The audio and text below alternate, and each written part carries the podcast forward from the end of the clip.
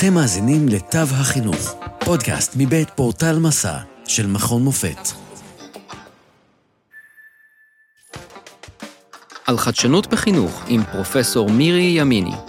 כאן דוקטור ברק בר זוהר ממכון מופת ופורטל מסע. שלום לפרופסור מירי ימיני, פרופסור חברה בבית הספר לחינוך באוניברסיטת תל אביב. פרופסור ימיני מתמחה בחינוך ליזמות, בחדשנות במערכת החינוך, בבתי ספר חדשניים ובהיבטים גלובליים בחינוך.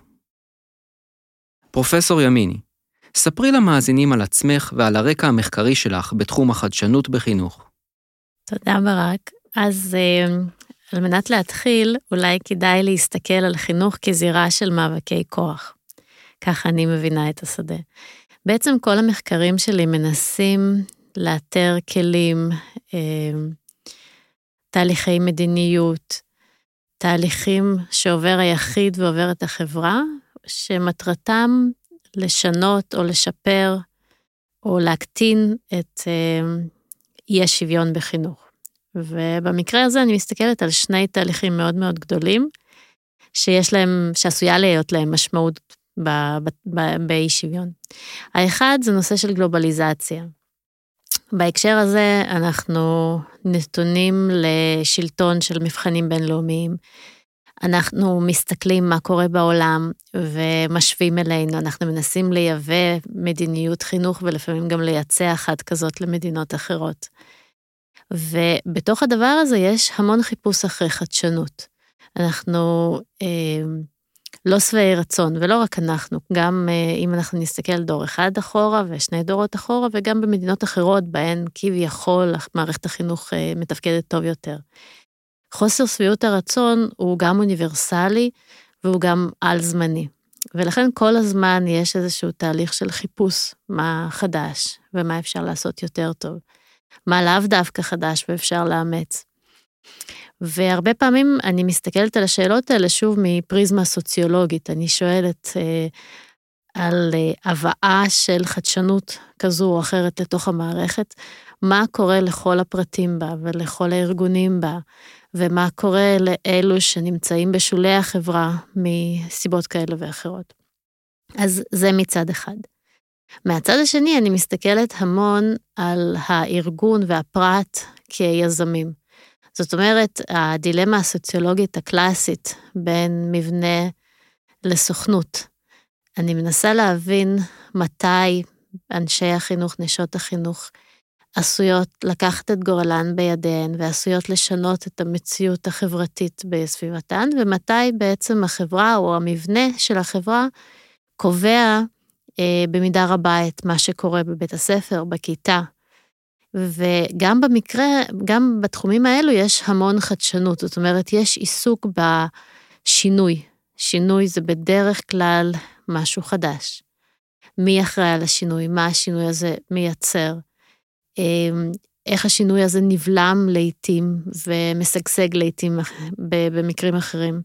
אז אני מתעסקת בכל השאלות האלו, גם בהקשרים הלוקאליים בישראל, אה, אני שואלת הרבה שאלות על בתי ספר ייחודיים, דמוקרטיים ומונטסוריים, בינלאומיים, אנתרופוסופיים, על אזוריים, קהילתיים, וכל סוג בית ספר שהוא לא מסורתי, ולרוב אנחנו יודעים שכמעט בכל בית ספר יש איזשהו אלמנט ייחודי, משהו שהם עושים אחרת.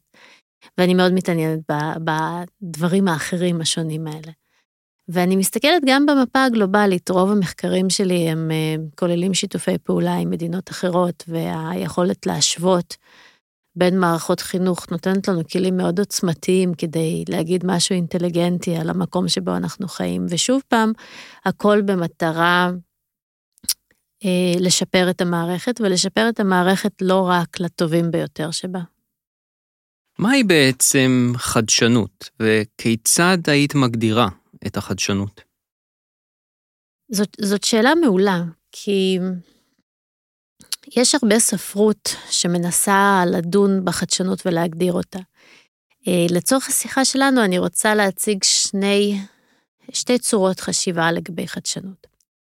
צורה אחת מדברת על שלושה תהליכים, או נותנת שמות לשלושה תהליכים אה, שהם קצת דומים, אמ, אבל הם לרוב קורים בסדר כרונולוגי. אז התהליכים הם יצירתיות, חדשנות ויזמות. הרבה פעמים אנחנו ננסה להגדיר חדשנות דרך השוואה לשני התהליכים האחרים.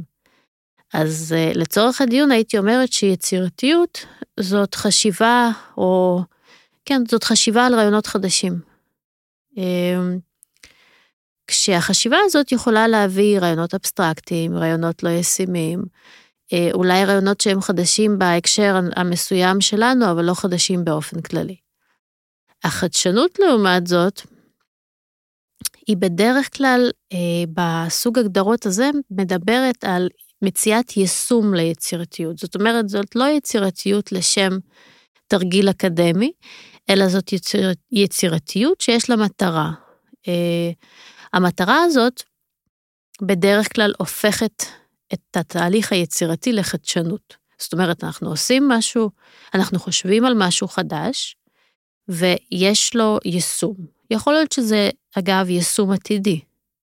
זה לא חייב להיות יישום שאנחנו יכולים להשתמש בו מיד, או אנחנו אפילו מבינים אותו עד הסוף. זה יכול להיות יישום עתידי, אבל יש לנו מין איזשהו מושג של אה, מה אנחנו עושים עם המשהו הזה, השירות, המוצר, התהליך אה, שהמצאנו.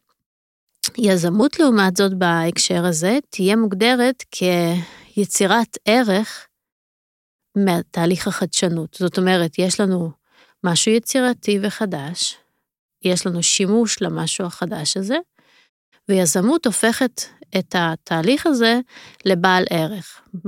אם מדובר בצד העסקי של המשוואה, אז אה, בעלות, אה, יצירת ערך זה בעצם יצירת ערך לבעלי המניות של החברה. ואם מדובר על הצד החברתי, אז זה יצירת ערך חברתי לאותה סביבה שבה אנחנו חיים. האם אה, חדשנות קשורה להיבטים טכנולוגיים או להיבטים טכנולוגיים בלבד? ואני שואל זאת משום שאני מכיר אנשים ואזרחים רבים שכשהם חושבים או הן חושבות על המושג חדשנות, הדבר הראשון שנראה לנגד עיניהן הוא טכנולוגיה. אני מניחה שכבר מהשאלה ברור שחדשנות היא לא רק חדשנות טכנולוגית ולאו דווקא חדשנות טכנולוגית. אני אוהבת להסתכל על השאלה הזאת דרך פריזמה של המשתמש והממציא, נקרא לזה ככה. אז אם אני אה, באופן וירטואלי אצייר מין אה, מטריצה כזאת של אה, משתמש וממציא בשני הצדדים, וכל אחד מהם יש לו יכולת לחשוב ולתפוס את החדשנות כמשמעותית, כרדיקלית או כאינקרמנטלית, כקטנה. אה, אנחנו יכולים לדמיין ארבעה מצבים. המצב הברור, שני המצבים הברורים מאליהם למעשה, זה שגם הממציא וגם המשתמש תופסים את החדשנות כרדיקלית, כמשמעותית. הרבה פעמים החדשנות הזאת היא תהיה טכנולוגית דווקא. אנחנו רואים איזשהו שינוי שלא היה קודם. אנחנו רואים איזושהי דרך חדשה לעשות דברים, ולרוב היא תהיה מעורבת טכנולוגיה. המצב השני זה כשגם המשתמש וגם הממציא לא תופסים את החדשנות כרדיקלית. וזה גם מצב ברור מאליו. אני חושבת שהמצבים שלא מערבים טכנולוגיה, הרבה פעמים יכללו את מצבי הביניים האלה, שהממציא חושב שמדובר על חדשנות רדיקלית והמשתמש לאו דווקא, והפוך. ואז במצבים האלה אנחנו יותר רואים אולי תהליכים של חדשנות, פדגוגיה חדשנית, אני מדברת בהקשר החינוכי. ארגונים חינוכיים חדשניים, אמ, תכנים חדשניים, ואז באמת החדשנות היא לא קשורה לטכנולוגיה. אני חושבת שאנחנו צריכים באופן כללי, א', פחות להידבר בסיסמאות, זאת אומרת, אה, החיפוש אחרי החדשנות וה... וה אמ, נתינת, אה, הענקת שמות לתהליכים ולשינויים שקורים בבתי ספר כחדשניים, אני חושבת שהרבה פעמים היא פוגעת בנו. ומן הסתם אנחנו לא צריכים להגביל את עצמנו לעיסוק בטכנולוגיה וחדשנות. מה לגבי חדשנות אדריכלית? מה מקומה? אה, אני קורא הרבה מחקרים שעוסקים בשינוי חלל הכיתה, אה, אקוסטיקה בכיתה. מה, מה מקומה כיום ומה חשיבותה בזירה הבית ספרית? אני הייתי עונה לשאלה הזאת בהקשר של, אה, של תופעות רחבות יותר, שמנסות להסתכל על הסביבה, על הסביבה שבה לומדים ומלמדים, אה, מגיע מפילוסופיה של חינוך מבוסס מקום. אה, ותכף אני אסביר מדוע, מדוע זה, זה רלוונטי. אז חינוך מבוסס מקום זאת פילוסופיה וסוג של תפיסה חינוכית שמדברת גם על כך שאנחנו מלמדים ולומדים בצורה מיטבית, כשגם התכנים וגם העיסוק קשור למקום שבו אנחנו חיים וגדלים. זה קשור לחינוך סביבתי וזה קשור גם לזכויות של אה, עמים ילידיים על הקרקע שלהם, וזה קשור גם לאיזושהי יכולת שלנו ללמד את מה שרלוונטי לתלמידים, והרבה פעמים זה הולך לאיבוד. אז אה, כל הדבר הזה בעצם מדבר על איזשהו עיצוב, אני, אה, אם הייתי אומרת באנגלית אז הייתי אומרת דיזיין, של סביבת לימודים מיטבית. וכאן גם בא הנושא של חדשנות אדריכלית. אני לא הייתי אומרת שאדריכלות זה כמו, סוג האור וכמות האור וצבע קירות הבניין, זה הרבה יותר מזה. גם עיצוב מרחבים אורבניים לצורך העניין. הגני משחקים, אה, פארקים, אה, מוזיאונים בקרבה, אפילו המכולת שליד בית הספר או כל דבר אחר, הוא, הוא, המדשאות, הוא קשור לחדשנות אדריכלית במידה מסוימת, והחדשנות האדריכלית הזאת היא עובדת טוב כשהיא מחוברת לסביבה, כשהיא לא מנותקת מהמקום. ולכן אם אנחנו רוצים לחשוב לכיוון הזה, אז כדאי גם, שוב פעם, להסתכל בצורה מאוד כוללת, כוללנית, על uh, חדשנות אדריכלית. היא מאוד חשובה, היא משמעותית. וגם לקשר אותה לתהליכים יותר רחבים. Um, הסביבתיות, הנושא של משבר האקלים, הנושא של אה, הזכויות על הקרקע, נושא של אה, תכנים שמתאימים גם למבנים האורבניים וגם למבנים, ללמידה החוץ-כיתתית ולמידה פנים-כיתתית, אה, וגם תכנים שמתאימים לתלמידים. אז כל זה הייתי שמה תחת הכותרת של אדריכלות. שאלה קצת יותר פרקטית, אם היו מאפשרים לך לעצב מחדש את חלל הכיתה, כפי שהיא בנויה כיום, האם היית מבצעת שינוי כלשהו? אני חושבת שחלל הכיתה זה רכוש משותף של המורה והתלמידים והתלמידות. ולכן גם, כמו במקרים אחרים, גם, גם כאן האוטונומיה וההתאמה לקהל הספציפי היא המפתח. אני לא, אני לא חושבת שאדריכל או, או, או חוקר חינוך כלשהו צריכה להיות את היומרה להגיד אה, לתלמידים ולמורים איך לעצב את חלל הכיתה. עם זאת, אני הייתי אומרת כבר מראש שלא הייתי מגדרת או אה, מגבילה את ההוראה והלמידה לחלל הכיתה. מבחינתי גם מה שיש מחוץ לכיתה, ולפעמים אפילו יותר ממה שיש בתוך הכיתה, הוא חלק מחלל לימודים. האם להערכתך יש קשר בין חדשנות לבין סטגלנות? כן, אז אני, אז, אז אני חושבת שיש הרבה קשרים בין שני המונחים האלה.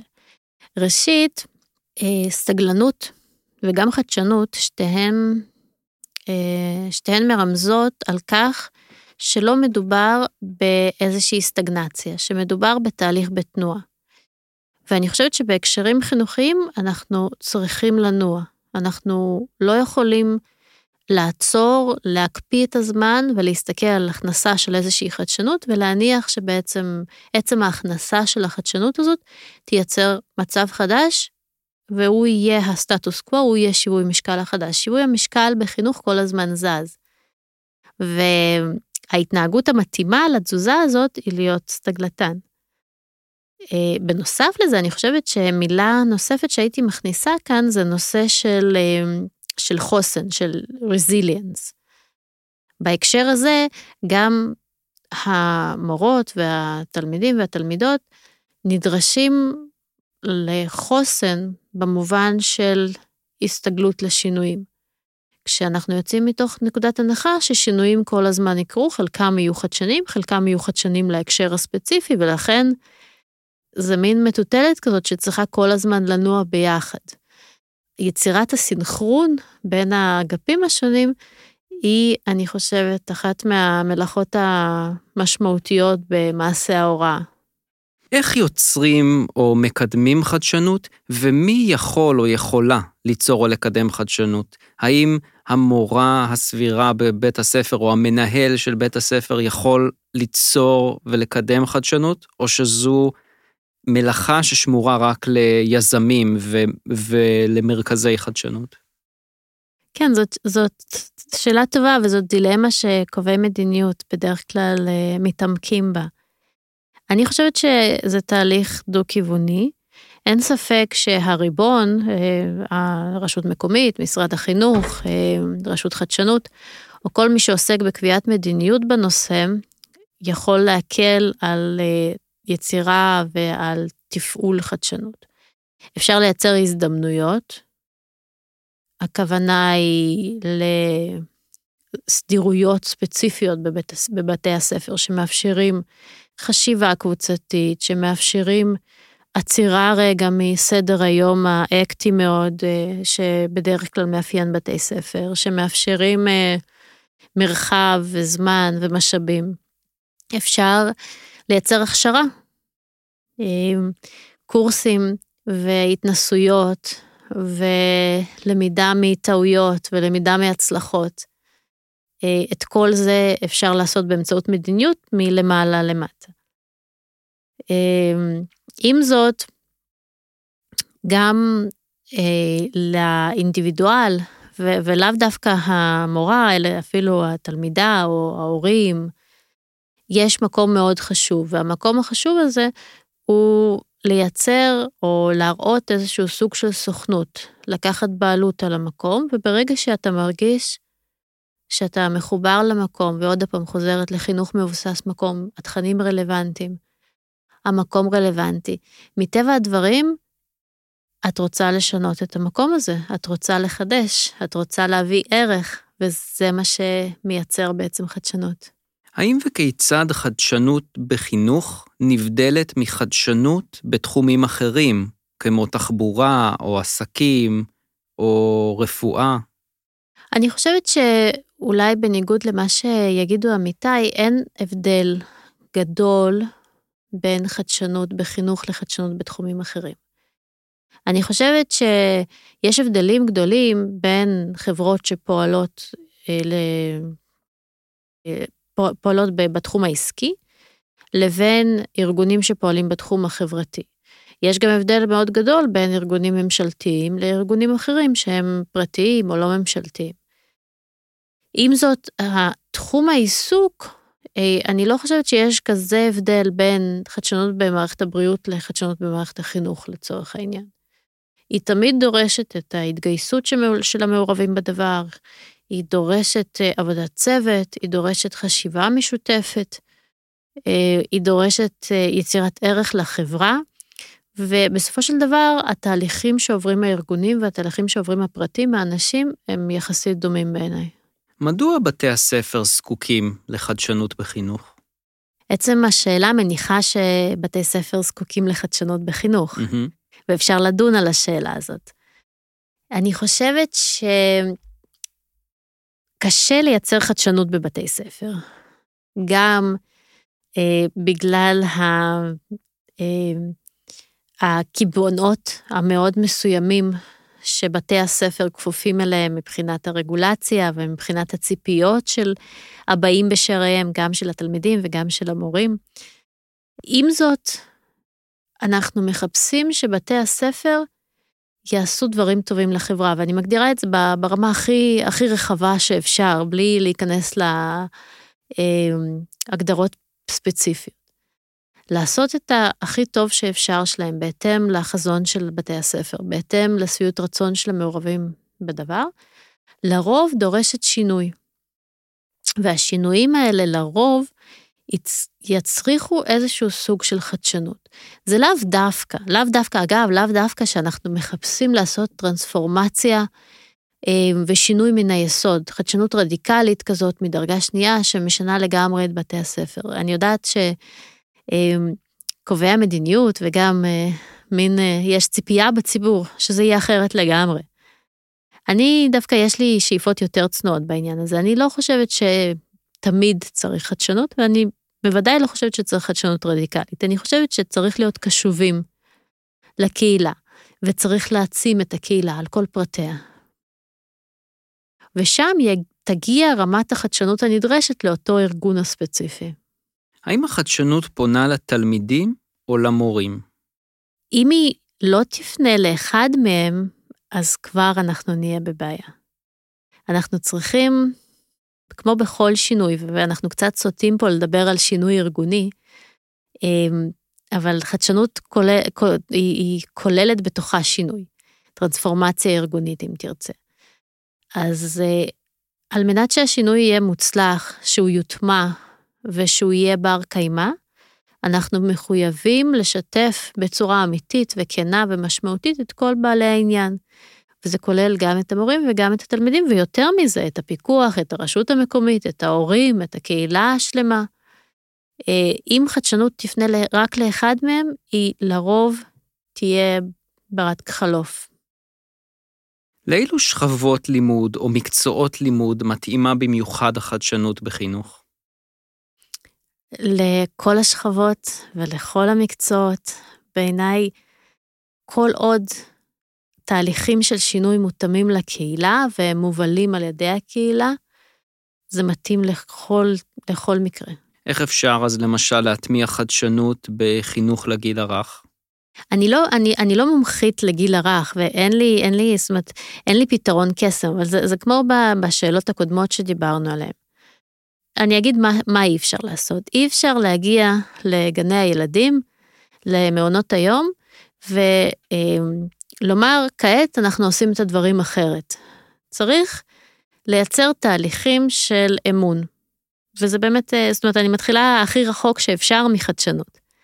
ברגע שיש תהליכים של אמון, וברגע שיש העסקה הוגנת, וברגע שנעים לילדים להגיע, וברגע שההורים שותפים, אנחנו בעצם מייצרים קרקע פורייה לחדשנות. יכול להיות שהיא לא תהיה חדשנות שקובע המדיניות דווקא התכוון אליה. ויכול להיות שהחדשנות הזאת היא לא תהיה חדשנות רדיקלית, אלא תהיה מתאימה ספציפית לקהילה המסוימת הזאת. אבל רק באמצעות שיתוף תהליכים הדרגתיים אה, ותהליכים ארוכי טווח, אנחנו יכולים לייצר חדשנות משמעותית. ועוד פעם, אפשר, אפשר לעשות כל מיני דברים. אפשר, כמו, כמו שראינו ב, בתקופת הלימודים מרחוק, אפשר גם לעשות חינוך לגיל הרך בזום. אה, השאלה אם באמת החדשנות הזאת היא טובה למישהו ואיזה ערך היא מביאה, ומה מה חושבים כל בעלי העניין על החדשנות הזאת. האם אה, משבר הקורונה האיץ חשיבה חדשנית ויוזמות חדשניות? נראה לי שכן. אמ, אתה יודע, בתיאוריה אפשר לומר שכשאנחנו מכניסים יותר אילוצים למערכת, אז אנחנו דווקא מייצרים איזשהו טריגר לחשיבה חדשנית. Mm-hmm. מצד שני, בתיאוריה גם אנחנו יכולים לומר שברגע שהאילוצים אה, חזקים מדי ויש יותר מדי מהם, אז אנחנו מדכאים חדשנות. בפועל זה נראה שבעיקר הורדת הרגולציה, בעיקר יכולת אוטונומית שהתפתחה בגני ילדים, בבתי הספר הספציפיים, היא אפשרה ליצ... ליצירה חדשנית בהרבה מאוד תחומים.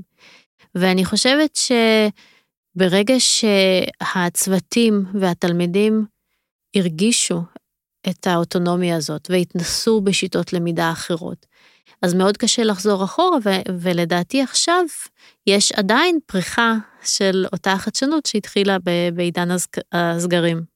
מהם האתגרים והקשיים המרכזיים בהטמעת חדשנות בחינוך? הקושי הכי גדול בעיניי זה מה שאנחנו קוראים scalability. בעצם לקחת את הפתרון החדשני שהומצא ועובד בהקשר מסוים ולהפוך אותו לנחלת כלל. לא תמיד, אגב, זה טוב להעביר ולארגונים רבים את מה שעובד בארגון אחד, אבל אם אנחנו מדברים על איזושהי השקעת משאבים אפקטיבית, הרבה פעמים יש לנו רצון לנסות משהו בקנה מידה קטן, להצליח מאוד, ואז אנחנו רוצים ללמוד מזה ו- ולהפיץ אותו בכל בתי הספר. ובחדשנות זה לא תמיד עובד, או לרוב זה לא עובד. אה, אז זה קושי אחד. קושי נוסף אה, הוא עניין של הטמעה. בתי הספר וארגונים חינוכיים הם ארגונים עונתיים, אם תרצה. יש את חופשת הקיץ, יש חגים, יש רוטינות, אה, חגים אה, בתוך בית הספר ויש מועדים, ולכן המעבר משנה לשנה עם צוות מתחלף ועם אה, הפסקה של חופשת הקיץ והתלמידים מתחלפים מן הסתם, היא תמיד אתגר. דבר נוסף שהייתי מדברת עליו וקצת נגענו בו, זה ההתנגדות לשינוי. ברגע שחדשנות נכנסת לארגון, והיא לא מאומצת על ידי כל בעלי העניין, אז אנחנו צפויים לכך שהיא לא תשרוד. יש איזו דוגמה ישראלית או בינלאומית לתוצר או מוצר או תהליך חדשני שהוטמע בהצלחה במערכת החינוך? אני חושבת שצריך אה, להבין באיזה קנה מידה אנחנו מדברים בשאלה הזאת. אז אה, ברמת, ה, ברמת החשיבה הפילוסופית על החינוך, אז אה, אפשר לדבר על גישות פרוגרסיביות שמאוד מוצלחות, מאוד, מאוד נתמכות על ידי הקהילה, חינוך מונטסורי וחינוך אנתרופוסופי, חינוך דמוקרטי, חינוך בינלאומי, אנחנו רואים פריחה של הזרמים האלו שהם רובם אגב לא חדשים, הם אולי חדשים בהקשר הישראלי, אבל אנחנו רואים פריחה מאוד גדולה. ברמת הפדגוגיה, אמ, הרבה נעשה בהקשר של חינוך מבוסס מקום עוד הפעם, והרבה נעשה בנושא של חינוך סביבתי. אמ, אני חושבת שאלו דוגמאות בולטות שהייתי מדברת עליהן.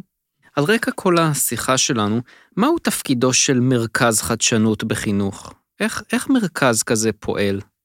יש בעיניי אה, טווח מאוד רחב של הגדרות למה זה מרכז חדשנות ובאיזה באיזה מקומות, באיזה סוגי פעילויות המרכזים האלה עשויים להיות מעורבים.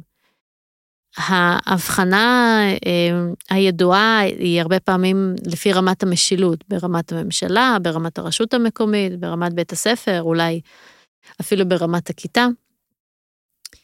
אה, בדרך כלל מרכזי חדשנות ברמות משילות השונות עשויים אה, גם להוות איזשהו, איזושהי סדירות לאותה חשיבה, לאותו זמן, לאותם משאבים שנדרשים על מנת להתחיל לדבר על חדשנות. הם עשויים לרכז זיכרון ארגוני, שזה נושא מאוד חשוב, במיוחד במערכת החינוך לגבי סוג החדשנות אה, שהצליחה, או סוג החדשנות שלא הצליחה, לגבי האופן שבו מנהלים תהליכים. הם עשויים לאגם משאבים, הם עשויים אה, לייצר קואליציות בין אה, קובעי מדיניות והפועלים בתחום החינוך, על מנת להוביל איזה שהם תהליכים משמעותיים. והם עשויים להזכיר לכולנו שכדאי לחשוב גם על החדשנות. האם מערכת החינוך יכולה להמשיך להתקיים ללא חדשנות? מערכת החינוך יכולה להתקיים בלי לדבר על חדשנות, אבל היא לא יכולה להתקיים בלי חדשנות. זאת אומרת, אה, העלייה הזאת בשיח על כמה אנחנו זקוקים לחדשנות וכמה חדשנות היא חשובה, היא לאו דווקא תורמת לחדשנות של מערכת החינוך. האוטונומיה ושיתוף הפעולה ורגישות לצרכים, ה... לצרכים המקומיים, היא תמיד תוביל לחדשנות. ברגע שלאנשים טוב, ברגע שאנשים מרגישים שייכות למקום שלהם, ברגע שהם רוצים להפוך אותו לטוב יותר, תהיה שם חדשנות. האם בכוחה של החדשנות לשנות או לעצב את עתיד החברה? אני חושבת שהתשובה לשאלה הזאת היא זהה לשאלה הקודמת. תהליכים חברתיים אה, נדרשים לעשות בשיתוף, אה, מתוך מקום של נוחות, מתוך מקום של אמון. בהחלט חדשנות משנה את החברה, היא משנה אותה כל הזמן, ותהליכי חדשנות הם לא תהליכים שאנחנו צריכים לעצור ולקרוא להם בשם ולגזור סרט על מנת להתחיל אותם, אלא הם צריכים להיות אינטגרליים, אינהרנטיים בתוך ההתנהלות הסדירה שלנו. ותפקיד קובעי המדיניות היא לאפשר את הסדירויות האלה, לעודד אותן.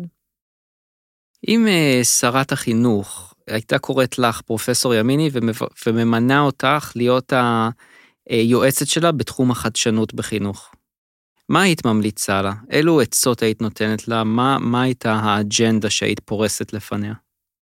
זאת שאלה מצוינת. אני חושבת שאם uh, זה היה קורה, אז uh, הייתי, דבר ראשון, מבקשת ממנה לא לפעול, mm-hmm. לעצור. הייתי מבקשת להימנע משינויים פתאומיים ומשמעותיים ששרי ושרות חינוך נוטים לאמץ בצורה נמהרת לרוב. אמ, הייתי כן פועלת לכיוון הענקה של יותר אוטונומיה, לכיוון שיתוף ציבור, לכיוון של יצירת אמון בתוך המערכת. אמ, שהם, ש, ש, שאלו פעילויות מאוד צדדיות לעיסוק בחדשנות, אבל בעיניי הן הכרחיות ומשמעותיות. אה, ואז אני חושבת שהייתה יותר חדשנות חיובית ומשמעותית בתוך המערכת. שאלה לסיום, שהיא קצת יותר אה, אה, אישית, את הזכרת הורים מקודם, כיצד הורים יכולים לתרום לתהליכים חדשניים בבית הספר? כי לא חשבתי שלהורים יש את, המק... את היכולת להיות מעורבים בתהליכים חדשניים, ולכן השאלה שנבעה מתוך הראיון. היום אני חושבת שזה כבר ברור וידוע שהורים, אה, על מנת שבית, ספר, שבית הספר יפעל בצורה מיטבית, הורים צריכים להיות שותפים מלאים. וככאלו, הם גם יכולים לתרום לתהליכי חדשנות. זה לאו דווקא שהתערבות מאוד מסיבית של הורים, שבדרך כלל אה, מתועדת בבתי ספר שמשרתים אוכלוסייה מסטטוס סוציו-אקונומי בינוני וגבוה, זה לא, זה, זה לא יושב שם, זה לא יושב על אה, תרומה אה, כספית וזה לא יושב על קביעה לצוות החינוכי איך ללמד ומה ללמד.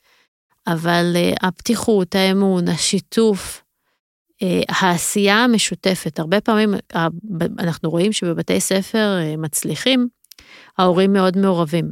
הם נקראים על ידי בתי הספר והם גם יוזמים כניסה לבית הספר בשיתוף הצוות. במקרים כאלה, גם ההורים וגם התלמידים וגם הקהילה היותר רחבה, הם חלק בלתי נפרד מכל מה שקורה וגם מתהליכי החדשנות. פרופסור מירי ימיני, מבית הספר לחינוך באוניברסיטת תל אביב. תודה רבה לך באמת שהקדשת לנו מזמנך, ותודה רבה לך על השיח האינטלקטואלי ברמה הגבוהה הזו. אנחנו מאוד מאוד מודים לך, ותודה רבה. בשמחה. לעוד מידע, היכנסו לאתר פורטל.מקאם.ac.il p-o-r-t-a-l